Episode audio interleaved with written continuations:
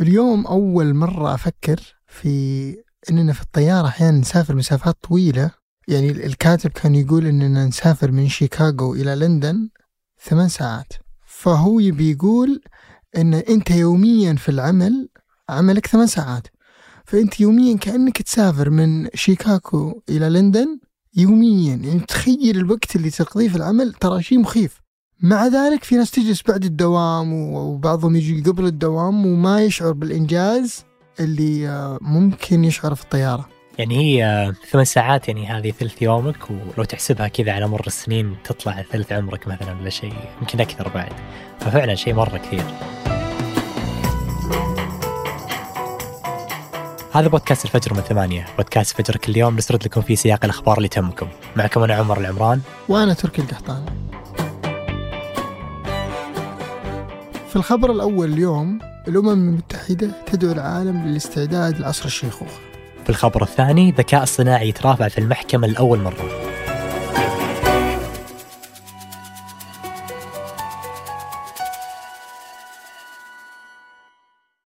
قهوة الصباح وأجود محاصيل البن المختص تلاقيها في خطوة جمل. اعرف أقرب فرع لك من الرابط في وصف الحلقة.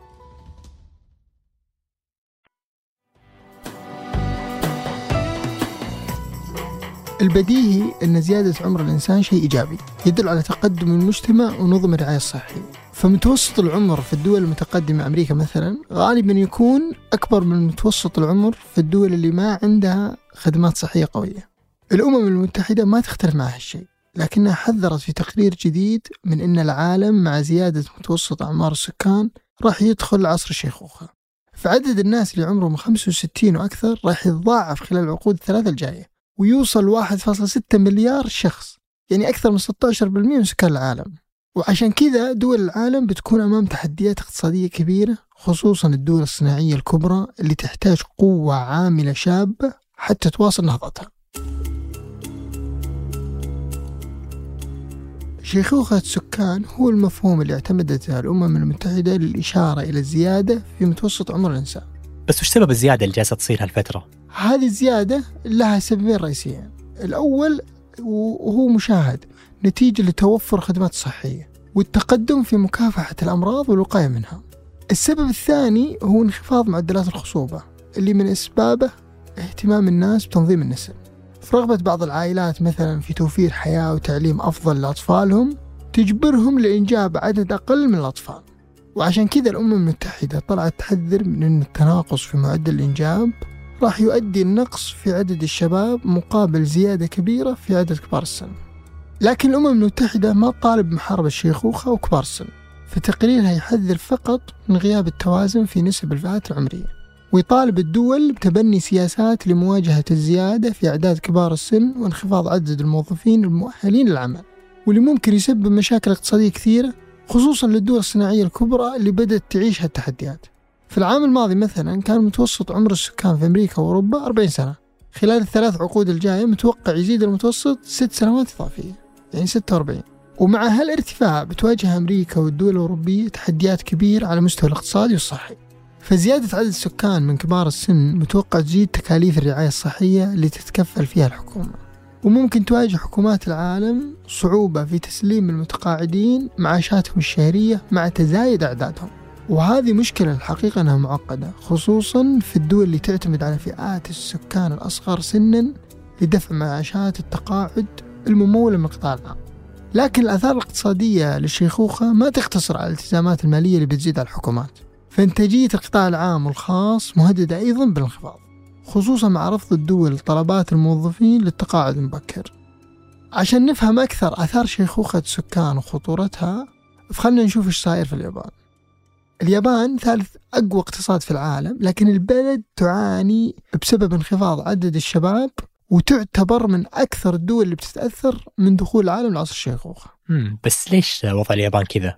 اليابان عندها أكبر متوسط عمر في العالم وفيها معدل الخصوبة متدني جدا ويعتبر من بين الأقل عالميا.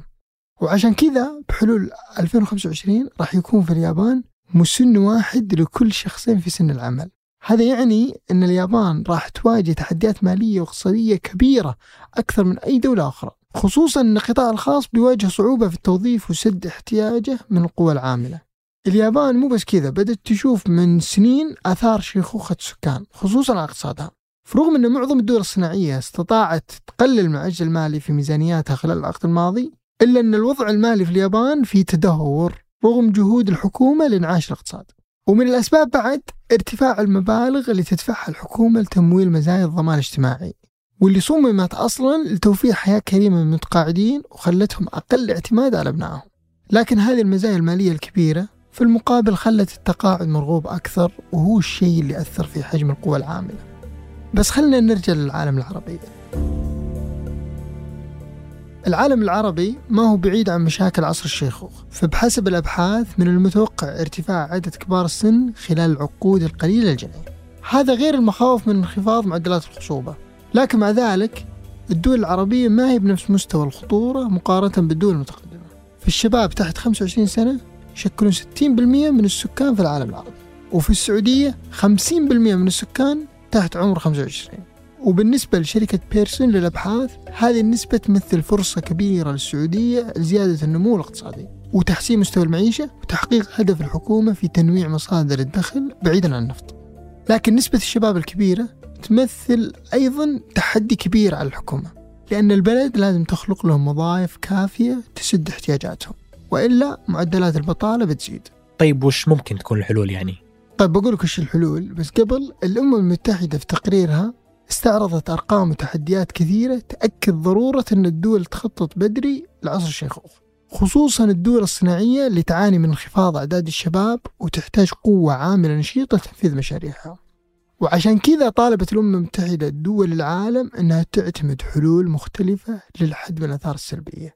ومن هالمقترحات وهذه إجابة لسؤالك لازم إصلاح أنظمة المعاشات التقاعدية ورفع سن التقاعد لسد أي نقص في الأيدي العاملة وإشراك كبار السن في سوق العمل وتنمية مهاراتهم لمواكبة المتغيرات هذا غير خلق فرص عمل إضافية للنساء والفئات الأخرى المهمشة من سوق العمل مثل الأشخاص ذوي الإعاقة.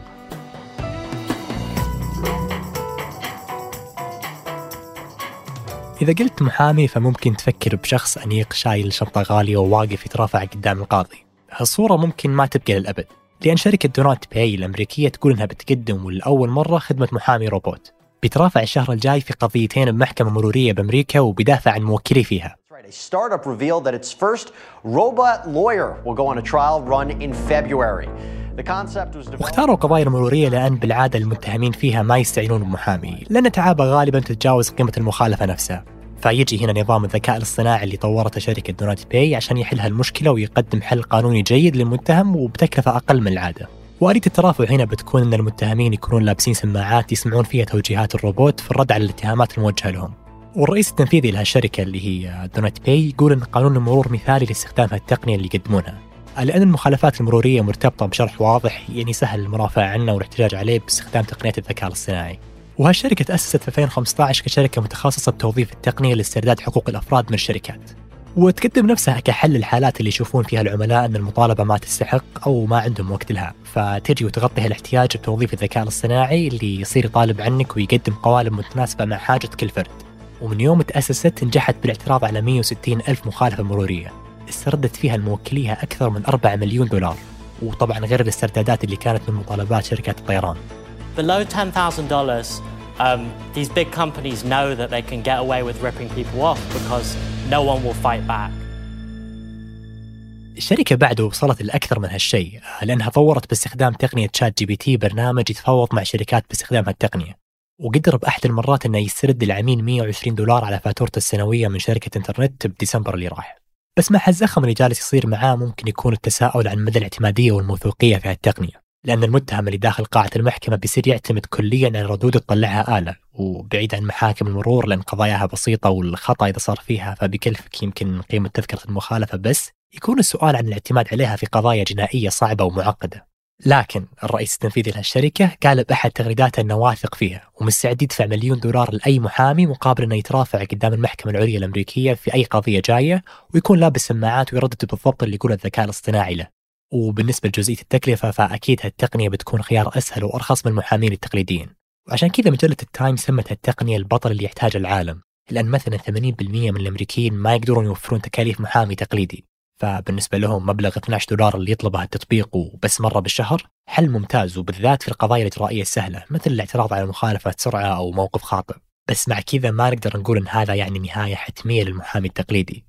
لأن اللي بيختار محامي الذكاء الاصطناعي هذا بيختار الخيار الأكثر مخاطرة واللي يطبق لأول مرة عالميا ويكون قاعد يراهن على أن النظام ما راح يتعطل أو يخطي وأكيد بالمقابل هو يختار الخيار الأرخص والأسهل والأسرع واللي حتى ما يخليه في حاجة لأي تواصل بشري من أي نوع.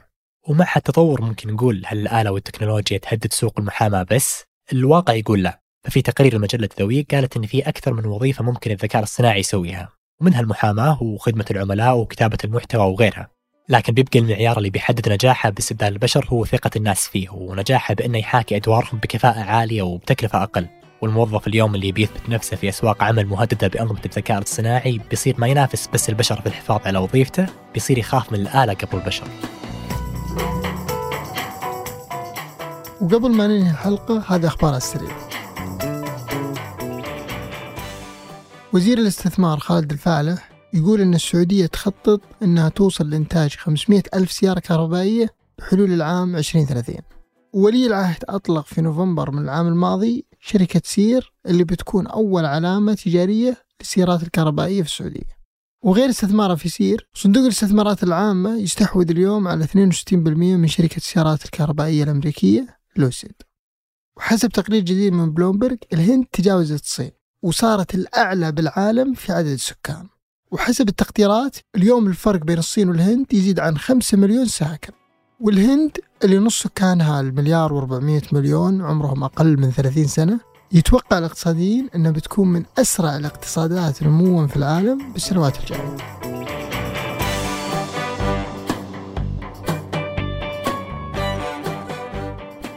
أنتج هذه الحلقة عبد العزيز الحبيل وعمر العمران وقدمتها أنا تركي القحطاني. وأنا عمر العمران.